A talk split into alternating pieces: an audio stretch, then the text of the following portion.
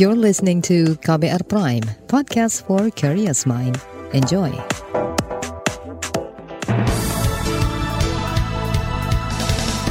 Selamat pagi saudara, senang sekali kami bisa menjumpai Anda melalui program Buletin Pagi edisi Rabu 16 November 2022 bersama saya Roni Sitanggang. Sejumlah informasi pilihan telah kami siapkan di antaranya Represi keamanan KTT G20, Presiden Jokowi pamerkan demokrasi Indonesia. Nahdlatul Ulama nyatakan netral pada pemilu 2024. Ratusan imigran Rohingya terdampar di Aceh. Inilah buletin pagi selengkapnya.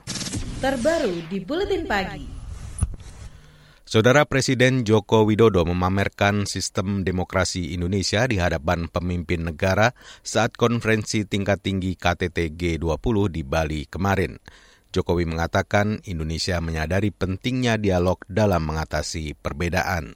Demokrasi di Indonesia berjalan dari tataran tingkat desa, pemilihan kepala desa, sampai tataran negara, pemilihan presiden, gubernur, bupati, dan wali kota.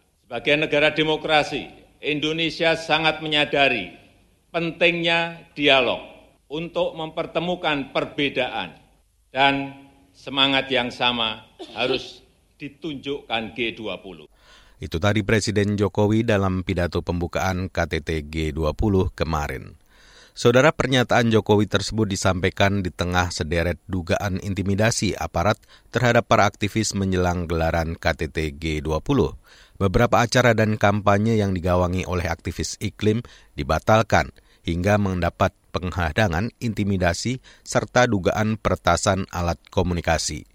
Pada 5 November lalu, acara bertajuk Ruang Aspirasi dan Seni Anak Muda Bali untuk Iklim dibatalkan karena adanya larangan keramaian selama KTT G20. Tak hanya itu, sekelompok tim pesepeda Greenpeace Casing the Shadow juga mengalami represi serta intimidasi. Selama perjalanan mereka kerap diintai oleh pihak-pihak tidak dikenal, didatangi ormas, serta didatangi pihak yang mengaku polisi.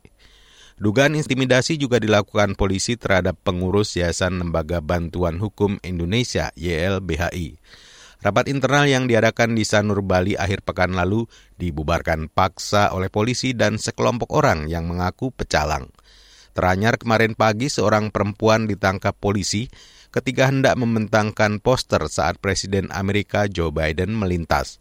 Poster itu bertuliskan Stop War Human Right Peace. Juru bicara Polda Bali, Stefanus Satake Bayu Stianto mengatakan, perempuan asal Cimahi itu ditangkap sebelum membentangkan poster. Kata dia, perempuan itu langsung diperiksa Satgas Penegakan Hukum Polda Bali. Stefanus mengatakan tidak melarang masyarakat untuk menggelar demonstrasi atau unjuk rasa saat KTT G20. Namun dia mengimbau masyarakat untuk menunda aksi sementara waktu. Di lain pihak, Komisi Kepolisian Nasional Kompolnas menyebut pengamanan KTT G20 memang dilakukan berlapis. Komisioner Kompolnas Pungki Indarti mengatakan, polisi melarang ada aksi untuk radius tertentu dari lokasi acara karena dikhawatirkan bisa mengganggu. Secara prosedural, kata dia, pembatasan memang perlu dilakukan untuk menjamin keamanan dan keberlangsungan acara. Meski begitu, dia tak menampik masih ada aparat yang kerap bertindak represif saat melakukan pengamanan. Pungki menyarankan agar polisi yang menerapkan pendekatan kekerasan diproses pidana ada contoh dari pimpinan, kemudian pengawasan dari pimpinan, perlu juga pendidikan, ada pengawasan dari masyarakat maupun pengawasan dari yang lain-lain ya, pengawas eksternal dan sebagainya, tetapi juga perlu ada punishment jika ada terjadi kesalahan atau terjadi pelanggaran atau kesengajaan. Nah, kalau nggak ada punishment ya tetap aja itu dianggap sebagai sesuatu yang diperbolehkan sehingga mereka akan tetap melakukan kekerasan. Jadi dengan punishment, kalau melakukan kekerasan berlebihan, ini kan masuk pidana sebetulnya. Nah, jadi itu yang pasti harus dilakukan. Itu tadi Komisioner Kompolnas Bungki Indarti. Sementara itu kelompok masyarakat sipil menilai intimidasi yang dilakukan aparat saat pengamanan G20 merupakan bentuk pembungkaman. Ketua YLBHI Muhammad Isnur menduga intimidasi berasal dari komando yang sama kami mengecam, kami juga menyesalkan ya pemerintah dan presiden tidak bisa mengontrol aparat-aparat di bawahnya untuk kemudian bertindak berlebihan, bertindak sewenang-wenang, melakukan intimidasi, kekerasan dan lain-lain. Itu patut diduga bahwa itu adalah komando, komando yang sama. Ketua YLBHI Muhammad Isnur mengatakan seluruh alat negara selama KTT G20 semestinya menghormati konstitusi dan hak asasi manusia, utamanya hak kemerdekaan berpendapat dan berekspresi. Isnur menilai pernyataan Jokowi soal demokrasi di KTT G20 justru bertolak belakang dengan sederet dugaan intimidasi yang dialami aktivis menjelang acara tersebut. Rencananya pelanggaran terhadap kebebasan itu akan dilaporkan kepada Komisi Tinggi HAM PBB, Komnas HAM, dan Ombudsman. Saudara organisasi Islam terbesar Nahdlatul Ulama menyatakan netral dalam pemilu 2024. Tetaplah di Buletin Pagi KBR. You're listening to KBR Pride, podcast for curious mind. Enjoy!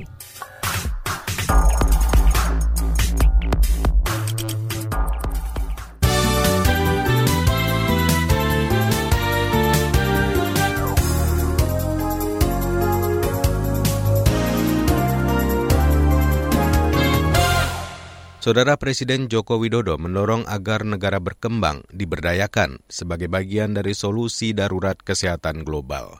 Itu disampaikan Jokowi saat membuka konferensi tingkat tinggi G20 sesi kesehatan di Bali kemarin.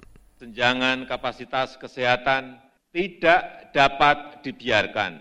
Negara berkembang perlu kemitraan yang memberdayakan. Negara berkembang harus menjadi bagian rantai pasok kesehatan global termasuk pusat manufaktur dan riset. Presiden Jokowi menambahkan investasi industri kesehatan perlu ditingkatkan. Selain itu, transfer teknologi dan akses bahan baku produksi untuk negara berkembang perlu diperluas. Jokowi juga mengajak kepala negara G20 memperkuat arsitektur kesehatan global pasca pandemi COVID-19. Kata dia, Organisasi Kesehatan Dunia WHO harus diperkuat. Kabar Pemilu Kabar Pemilu Pengurus Besar Nahdlatul Ulama PBNU menegaskan netral dalam pemilihan Presiden Pilpres 2024. Itu disampaikan Ketua Umum PBNU Yahya Khalil Stakuf usai rakor persiapan resepsi satu abad Nahdlatul Ulama di Surabaya kemarin. Tidak ada capres, cawapres atas nama NU, tidak ada. Yang sowan ke Ponpes nanti sikapnya Ponpes gimana Gus? Terserah, pokoknya terserah, pokoknya tidak ada atas nama NU. Ketua Umum PBNU Yahya Kolil tidak mempermasalahkan ada tokoh yang sowan atau berkunjung ke pondok pesantren jelang Pilpres 2024. Dia menegaskan PBNU tidak akan terlibat dalam mendukung capres dan cawapres. Kata dia, NU akan mengambil jarak dari politik agar bisa menjaga netralitas. Masih soal politik, pemilih dalam pemilu 2024 dinilai lebih cerdas dan independen dalam menentukan pilihannya. Itu disampaikan peneliti lembaga survei Saiful Mujani Research Center SMRC, Saidiman Ahmad. Kata Saidiman, kampanye politik identitas maupun dukungan dari Presiden Joko Widodo tidak terlalu berpengaruh terhadap keputusan pemilih pemilih kita ini adalah pemilih yang cukup cerdas sebetulnya ya dan itu dari waktu ke waktu semakin cerdas tadi misalnya kita ngomong soal politik identitas dan seterusnya itu sebetulnya masih ada muncul di masyarakat tetapi semakin lama semakin tidak relevan kemudian uh, tadi kita bicara soal uh, mengendorse kami juga menemukan di dalam survei-survei bahwa rasionalitas pemilih kita ini membuat mereka semakin independen. Mereka tidak tergantung kepada endorsement sebetulnya. Peneliti SMRC Saidiman Ahmad menyebut evaluasi publik akan lebih berpengaruh terhadap keputusan pemilih. Dari hasil survei SMRC, pemasyarakat yang tidak puas terhadap kinerja Presiden akan cenderung memilih Anies Baswedan. Sedangkan yang puas akan cenderung memilih Ganjar Pranowo. Sementara itu pemilih Prabowo Subianto tidak berpengaruh terhadap evaluasi kinerja pemerintah. Beralih ke informasi kesehatan. Menteri Kesehatan Budi Gunadi Sadikin mengingatkan seluruh fasilitas layanan kesehatan bersiap mengadaptasi rekam medis elektronik atau RME. Program itu harus mulai berjalan dan diterapkan maksimal akhir tahun 2023. Kami juga mengajak seluruh peserta industri kesehatan untuk terlibat aktif dalam percepatan transformasi teknologi informasi kesehatan di Indonesia. Menkes Budi mengatakan rekam medis elektronik dilakukan demi meningkatkan pelayanan kesehatan yang efektif, efisien, dan presisi. Kata dia, sistem yang tidak terintegrasi antar fasilitas kesehatan akan menyulitkan pendataan pasien. Saudara para pelancong atau wisatawan diimbau mewaspadai penularan COVID-19 subvarian XBB. Menteri Pariwisata dan Ekonomi Kreatif Sandiaga Uno meminta wisatawan waspada. Data-data yang ada mengharuskan kita tetap waspada, hati-hati. Para traveler untuk terus mengedepankan protokol kesehatan, CHSE, dan penyebaran subvarian XBB ini, COVID-19 harus kita betul-betul antisipasi agar tidak mengakibatkan lonjakan jumlah kasus baru yang kemungkinan nanti berpotensi memperburuk situasi dan berdampak negatif terhadap kepulihan sektor parekraf. Menparekraf Sandiaga Uno meminta seluruh sektor yang berkaitan dengan pariwisata dan ekonomi kreatif tetap mematuhi protokol kesehatan dan melakukan vaksinasi booster. Kemarin kasus COVID-19 harian bertambah hingga 7.800-an kasus. Tambahan kasus ini merupakan yang tertinggi sejak akhir Maret lalu. Kita ke berita ekonomi. Badan Pusat Statistik BPS mencatat neraca perdagangan Indonesia surplus 88 triliun rupiah pada Oktober. Ini merupakan surplus perdagangan selama 30, 30 bulan berturut-turut. Deputi Bidang Statistik, Distribusi dan Jasa BPS Setianto mengatakan tiga negara penyumbang surplus terbesar yaitu India, Amerika Serikat, dan Tiongkok. Untuk India yang surplus sebesar 1.699,6 juta US dollar, ini utamanya untuk komoditas bahan bakar mineral HS27, lemak dan minyak hewani nabati HS15 serta besi dan baja HS72. Deputi Bidang Statistik Distribusi dan Jasa BPS Setianto menambahkan, perdagangan ke Amerika didominasi komoditas mesin dan perlengkapan elektrik, minyak hewan dan nabati, serta komoditas alas kaki.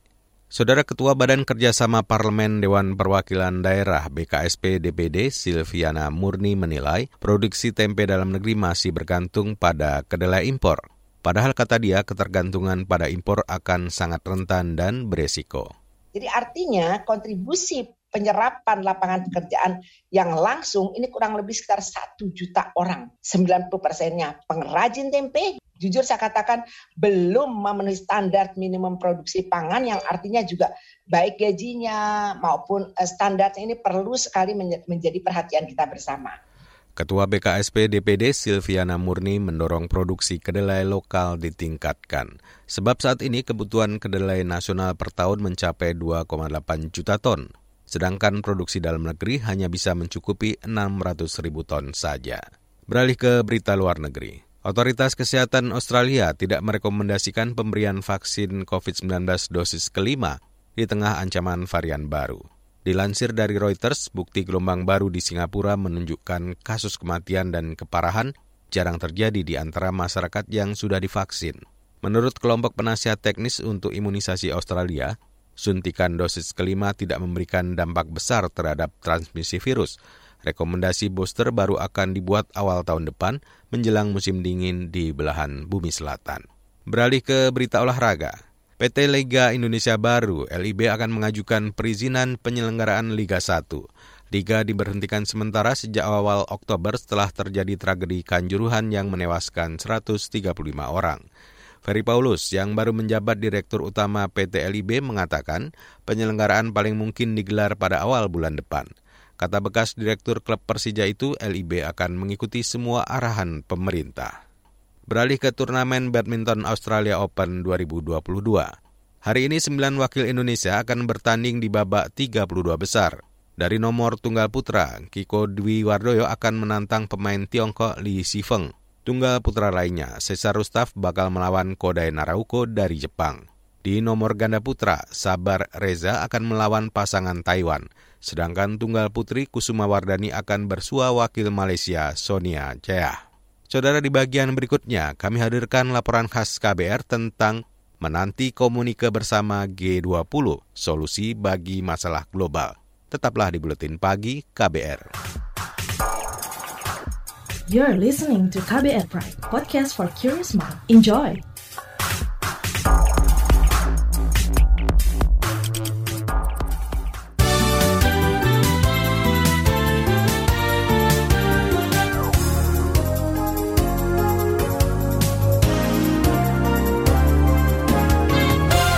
Terima kasih Anda masih bersama Roni Sitanggang di Buletin Pagi KBR. Saudara belasan kepala negara dan pemerintahan menghadiri konferensi tingkat tinggi KTT G20 di Bali. Kehadiran para pemimpin dunia itu diharapkan menghasilkan komunike bersama untuk memberi arahan solusi masalah strategis dunia, mulai dari perang Rusia-Ukraina, krisis pangan, sampai krisis energi. Ketidakhadiran Presiden Rusia Vladimir Putin di Tengah bakal mengagalkan tercapainya komunike bersama. Simak laporannya bersama Aika Renata. Presiden Joko Widodo menekankan pentingnya mengakhiri perang. Presiden menyampaikan itu saat membuka konferensi tingkat tinggi KTT G20. Kata Jokowi, forum pertemuan negara-negara G20 yang berlangsung di Bali ini tidak boleh gagal. Presiden menekankan pentingnya komitmen serta kolaborasi negara-negara G20. If the war does not end, it will be difficult for the world jika perang tidak berakhir, akan sulit bagi dunia untuk bergerak maju. Jika perang tidak berakhir, akan sulit bagi kita untuk bertanggung jawab atas masa depan generasi sekarang dan mendatang. Kita seharusnya tidak membelah dunia menjadi beberapa bagian. Kita tidak boleh membiarkan dunia jatuh ke dalam perang dingin lainnya. We must not allow the world fall into another Cold War. Pernyataan itu disampaikan Jokowi di hadapan delegasi yang hadir, antara lain Presiden Amerika Serikat Joe Biden dan Menteri Luar Negeri Rusia Sergei Lavrov. Saat KTT G20 berlangsung, perang antara Rusia-Ukraina yang berlangsung sejak Februari lalu belum berakhir. Perang berdampak munculnya ancaman krisis pangan dan energi. Masih tegangnya geopolitik dunia membuat Indonesia tak yakin pertemuan G20 bisa menghasilkan komunikasi bersama. Jauh hari, Menko Marinvest Luhut Binsar Panjaitan tidak mempersoalkan komunika atau kesepakatan bersama G20 tak lahir di Bali. Kalau kita lihat jujur, belum pernah saya kira G20 situasi dunia sekompleks sekarang ini. Kalau pada akhirnya nanti tidak melahirkan komunikasi, leaders komunikasi, menurut saya ya sudah, tidak apa-apa. Tapi banyak hal, saya kira saya defend lebih dari 361 titik yang kita hasilkan. Berbagai macam. Dan itu billion of dollars kalau dihitung dari segi ekonomian. Menko Marinvest Luhut Binsar Panjaitan menekankan KTT G20 sudah menghasilkan banyak manfaat dalam bentuk banyaknya kesepakatan antar dunia yang sudah terjalin melalui working group dan side event KTT G20 tapi bukan melulu manfaat ekonomi yang dibutuhkan dari penyelenggaraan KTT G20.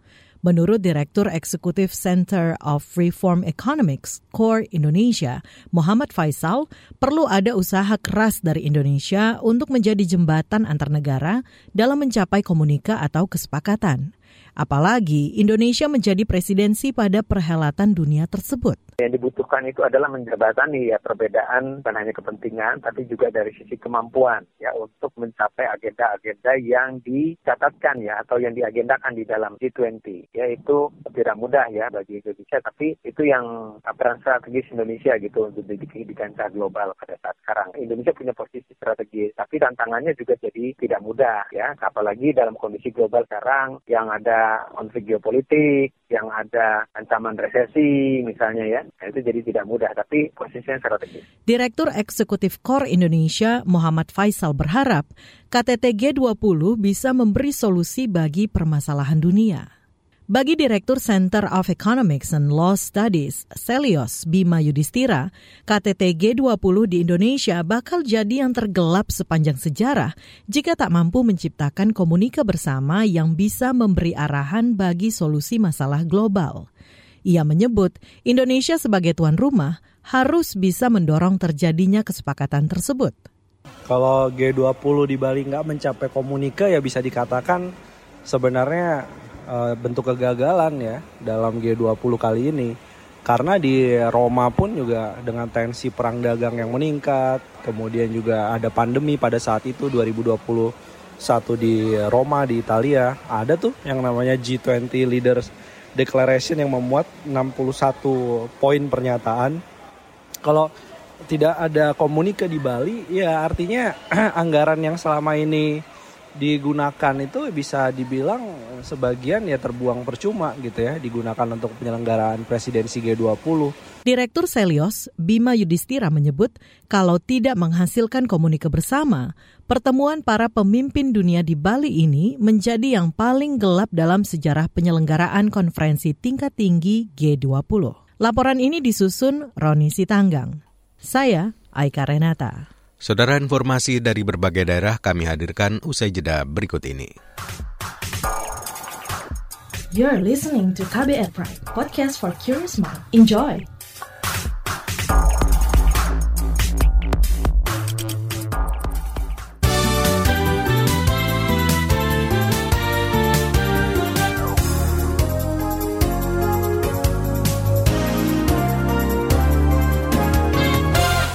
Inilah bagian akhir buletin pagi KBR.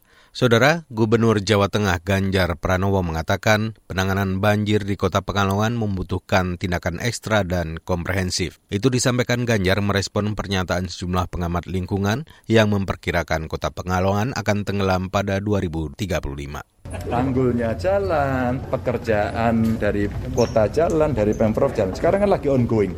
Tapi hari ini memang tidak gampang karena situasi uh, cuacanya seperti itu. Jadi saya pastikan kalau hujannya begini terus, banjir masih akan terjadi. Maka early warningnya diberikan agar kita selamatkan manusianya dulu. Gubernur Jawa Tengah Ganjar Pranowo menambahkan akan merevitalisasi aliran sungai dan memperbanyak polder seperti yang dilakukan di kota Semarang. Kita ke Aceh. Sekitar 110-an imigran Rohingya ditemukan terdampar di permukiman nelayan Desa Munasah, Kabupaten Aceh Utara Selasa dini hari. Juru bicara Pemkap Aceh Utara Hamdani mengatakan ratusan imigran untuk sementara ditempatkan di rumah ibadah setempat. Mereka mendapat penjagaan ketat TNI Polri. Saat ini mereka ditangani oleh desa, diberikan air mineral dan snack makanan untuk uh, tanggap darurat. Jubir Pemkap Aceh Utara Hamdani menambahkan perwakilan International Organization for Migration sudah berada di lokasi penampungan untuk mendata. Beralih ke Papua, Kapolda Papua Matius Fakhiri memerintahkan jajarannya mencari dan menangkap pelaku kerusuhan di Kabupaten Dogiai, Papua Tengah. Matius mengatakan polisi berada di Dogiai untuk melakukan penyelidikan. Saya memerintahkan Kadir Krimum sekarang sudah di sana, cari pelakunya dan tangkap dan proses. Ini kan mereka selalu menunggu momen. Laka lantas dibawa untuk membunuh orang lain, membakar rumah lain orang lain. Saya melainkan kriminal. Sementara itu Bupati Dogiai Yokobus Dumupa meminta semua pihak di Dogiai menahan diri dan tidak berpengaruh provokasi. Yokobus memastikan Pemkap Dogiai akan mendata kerugian warga dan membantu para korban. Kerusuhan di Dogiai dipicu kecelakaan lalu lintas yang menewaskan bocah berusia lima tahun pada Sabtu lalu. Masa yang mengamuk membakar puluhan rumah dan perkantoran. Dua orang ditemukan tewas setelah kerusuhan.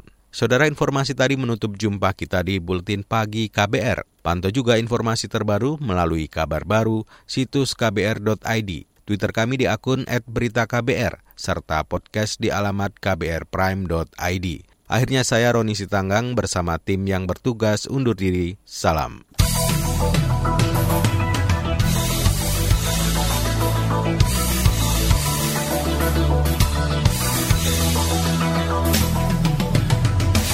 KBR Prime, cara asik mendengar berita. KBR Prime, podcast for curious mind.